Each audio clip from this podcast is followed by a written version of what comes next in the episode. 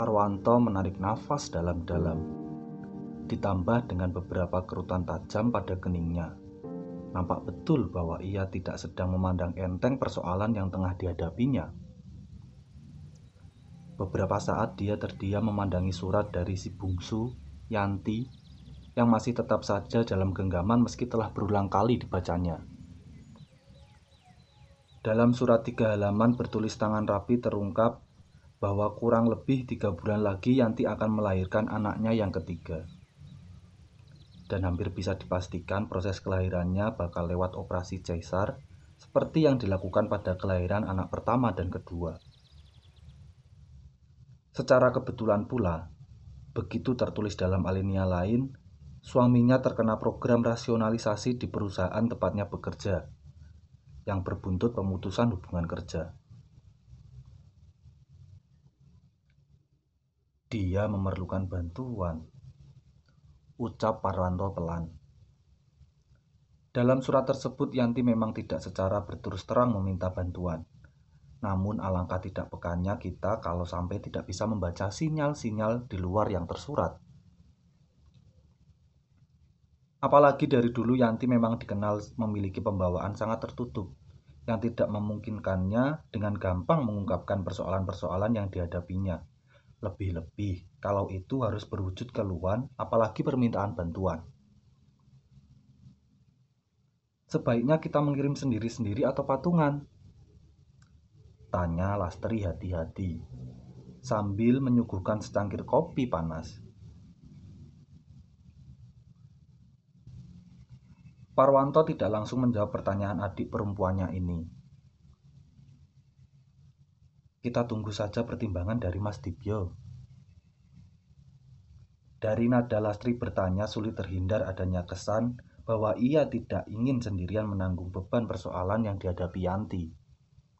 Meski surat dari adik bungsunya yang tinggal di kota S ini secara khusus ditujukan kepadanya. Begitu pula dari nada Parwanto menjawab, secara tersamar tersirat adanya harapan agar dia bisa terhindar dari posisi sebagai penanggung jawab tunggal. Saya khawatir Mas Dibyo tidak mau tahu dengan persoalan ini. Ucap Lastri kemudian. Ingat saja sikap dia tahun lalu waktu Yanti melahirkan anaknya yang kedua. Waktu itu dia sendiri sedang repot karena anaknya perlu banyak biaya untuk masuk perguruan tinggi toh. Bukan begitu. Saya pernah dengar dari Mbak Mur. Mas Dibio marah ketika kita mengusulkan angka bantuan yang kelewat kecil buat Yanti. Dia bilang kalau memang tidak ikhlas, ya tidak usah membantu. Daripada membantu tapi malah berkesan meremehkan. Ah, alasan. Kalau memang menganggap kita memberi kelewat kecil, mestinya dia menyumbang lebih besar, bukannya malah lepas tangan. Pastri tidak berkata-kata lagi. Dia mencoba bertahan untuk tidak bersikap mencerca orang lain. Sebab, bukankah dia sendiri tengah menghadapi masalah yang cukup serius? Suaminya memang belum mengemukakan secara terbuka adanya krisis keuangan di rumah tangga mereka. Tapi, Nyatanya, dua bulan terakhir ini dia sering menyarankan Lastri untuk lebih berhemat. Yang Lastri hafal betul itu sebagai pertanda sedang tersendatnya bisnis bangunan yang dijalani suaminya. Setiap kali Lastri bertanya proyek apa yang sedang dikerjakan, paling-paling suaminya cuma bisa menjawab, ada saja. Padahal, dari para tukang, Lastri tahu persis apa yang sebenarnya terjadi. Suara minibus Daihatsu Hijet 1000 keluaran tahun 83 yang berhenti di halaman depan membangunkan Lastri dari lamunan. Beberapa saat kemudian Mas Dibio muncul dengan segala permintaan maaf atas keterlambatan kedatangannya. Berikut serentetan cerita klasik tentang mobilnya yang mogok dan jalanan yang macet. Setelah meneguk segelas air es yang dibawakan Lastri, ia pun meletakkan tubuhnya di kursi untuk membaca surat Yanti yang disodorkan oleh Parwanto kepadanya.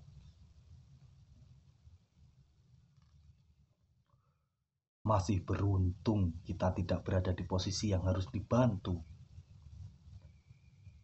Begitu yang terucap pertama setelah ia selesai membaca. Sebuah ucapan yang secara samar terdengar seperti ungkapan penghibur diri. Sebagai anak tertua keluarga besar Marto di Suryo, Mas Dibio merasa dituntut untuk selalu tanggap terhadap segala rupa persoalan yang dihadapi para sanak saudaranya. Menjalankannya tidak selalu gampang.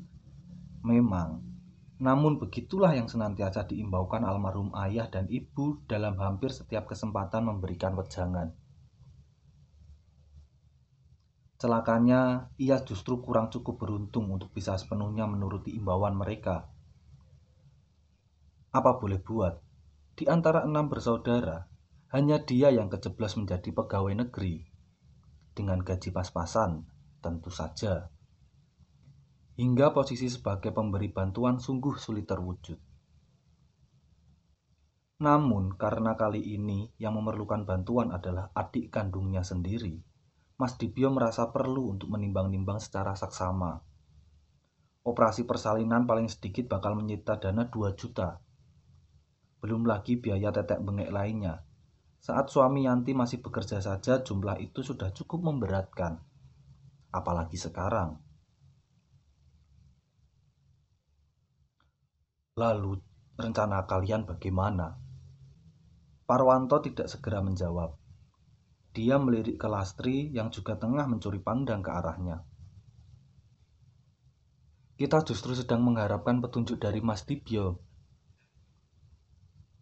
Dari saya sudah jelas, Yanti perlu dibantu. Sejak berumah tangga dia sepertinya selalu dirundung persoalan yang tidak berkesudahan. Saya sisihkan 500 buat Yanti. Kalian kumpulkan 500 untuk menggenapi 1 juta. 250 ribu saya rasa tidak memberatkan kalian kan? Parwanto terkesiap. Ia tidak menyangka kakak sulungnya akan berkeputusan demikian. Jangan mas, biar saya yang bayar 500. Mas Dibio berdua dengan Lastri menggenapi sisanya. Jangan begitu, Par. Biarpun pegawai negeri, saya toh juga tidak miskin-miskin amat.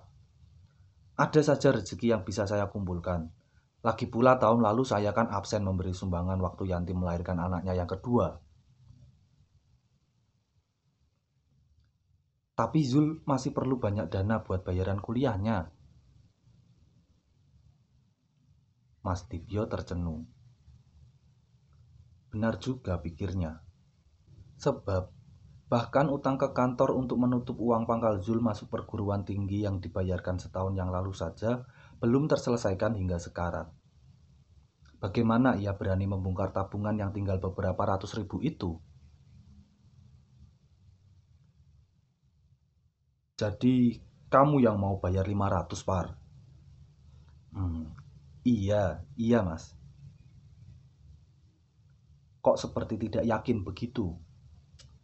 Bukan tidak yakin mas, eh, tapi saya belum membicarakan masalah ini dengan istri saya. Biar sudah bicara belum tentu juga bisa yakin kan mas? Tiba-tiba Lastri memotong dengan suara keras. Sepertinya sudah sejak tadi dia ingin bicara secara terbuka. Terus terang, saya sangat keberatan kalau dekat-dekat ini harus ada pengeluaran ekstra Keadaan saya juga sedang susah, Mas. Bisnis Mas Amri lagi seret. Seret tidak berarti macet, kan? Memang tidak. Tapi apalah arti kalau hasil yang diperoleh ibaratnya cuma cukup buat bayar tukang dan beli material? Bilang ke suamimu agar jangan terlalu memilih-milih proyek. Buru-buru memilih. Masih ada pekerjaan saja sudah bersyukur. Mas Dibio mau tahu apa yang terakhir dikerjakan oleh suami saya. Membuat kandang di rumah Pak Onggo. Mas Dibio nyaris tertawa kalau saja tidak segera melihat Lastri meneteskan air mata dan menangis tersiak-siak. Bagaimanapun Mas Dibio tetap memutuskan untuk memberikan bantuan pada Yanti. Dan setelah berpikir dan merenung-renung, baik Lastri maupun Parwanto akhirnya sadar bahwa toh mereka masih punya waktu paling tidak tiga bulan untuk melakukan segala usaha dalam memperoleh penghasilan ekstra. Sebagai staf Direktur Teknik PT Percetakan Sentra Aksara, Parwanto nekat menjalin kerjasama dengan orang administrasi untuk secara diam-diam menerima order dari luar tanpa lewat prosedur resmi, hingga pembayaran dari klien bisa langsung masuk ke kantongnya. Meski dengan begitu, ia harus menghadapi resiko pemecatan. Sementara Lastri mengaktifkan lagi bisnis lamanya jual beli berlian. Ialah kegiatan yang sebenarnya amat dibenci suaminya. Demikianlah, belum sampai tiga bulan berlalu, target pengumpulan satu juta berhasil tercapai. Maka pada sebuah akhir pekan, dengan mengendarai minibus milik Mas Dibyo yang dikemudikan oleh Zul, berangkatlah Lastri, Parwanto, dan Mas Dibyo sendiri ke kota S. Tempat Yanti tinggal. Setelah menempuh perjalanan selama kurang lebih lima jam, termasuk satu setengah jam untuk dua kali mampir bengkel, mereka pun tiba di tempat tinggal Yanti. Namun rumah kontrakan itu ternyata sepi. Seorang penjaganya mengatakan bahwa Yanti sudah melahirkan anaknya seminggu yang lalu dan untuk sementara tinggal di rumah mertuanya di Dusun G. Syukur, Alhamdulillah. Perjalanan berlanjut ke Dusun G karena mereka bersepakat untuk harus bertemu dengan Yanti hari itu juga. Mudah-mudahan mereka tidak harus berutang untuk membayar biaya rumah sakit. Ucap Mas Dibio penuh harap.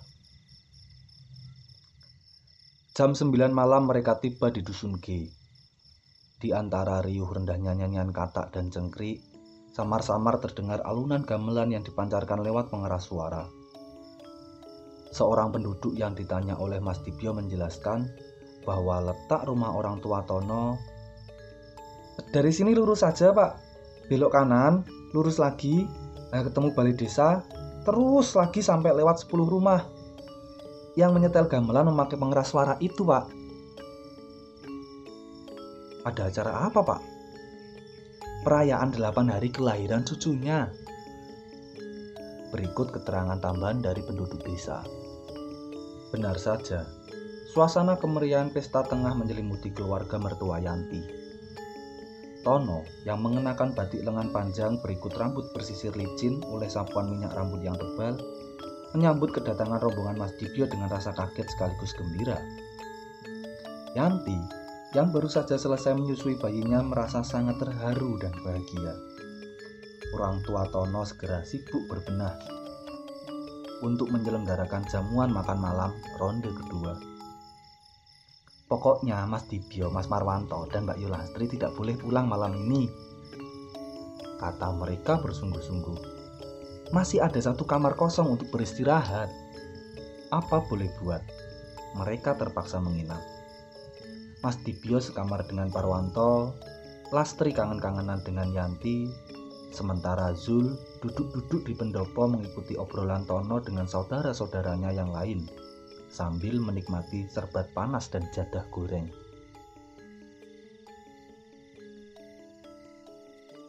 Kamu sudah lulus SMA ya Zul? Sudah. Pacarnya kok tidak dibawa? Belum punya. Ah, anak SMA sekarang biasanya sudah punya loh. Zul tersenyum agak tersipu. Adik saya si Bahrul ini malah sudah mau kawin bulan depan saya bilang sama dia, pacaran jangan kelamaan, nanti malah bubar. Kalau memang sudah cocok, tunggu apa lagi? Soal pekerjaan kan bisa dicari. Saya malah baru kena PHK. Nah, buktinya ya tidak mati. Rezeki itu di mana saja ada, Zul. Tadinya adik saya berprinsip harus punya ini itu dulu sebelum kawin wah sampai kiamat juga tidak bakal jadi-jadi nek gitu lihat saja saya kamu pikir dulu waktu melamar bulik Yanti saya sudah mapan tidak punya apa-apa. Modal saya cuma satu, yaitu niat. Asal sudah niat, segalanya akan berjalan sendiri. Boleh percaya, boleh tidak loh. Waktu itu saya cuma mengeluarkan 50 ribu terutama buat biaya administrasi. Urusan resepsi tiba-tiba saja ada yang menangani. Kalau lagi kesusahan, ada saja bantuan datang. Lebih-lebih, setelah punya anak, wah, rezeki sepertinya mengalir tak henti-henti. Kamu sendiri kan tahu, kelahiran anak saya dari yang pertama sampai ketiga semuanya lewat operasi. Tapi apa pernah saya mengeluarkan duit buat biaya dokter dan rumah sakit yang jutaan itu? Tidak pernah. Sebab belum waktunya melahirkan saja, bantuan-bantuan sudah pada berdatangan. Dibilang mengharapkan sebetulnya ya tidak, tetapi kalau datang sendiri, apa ya mesti ditolak?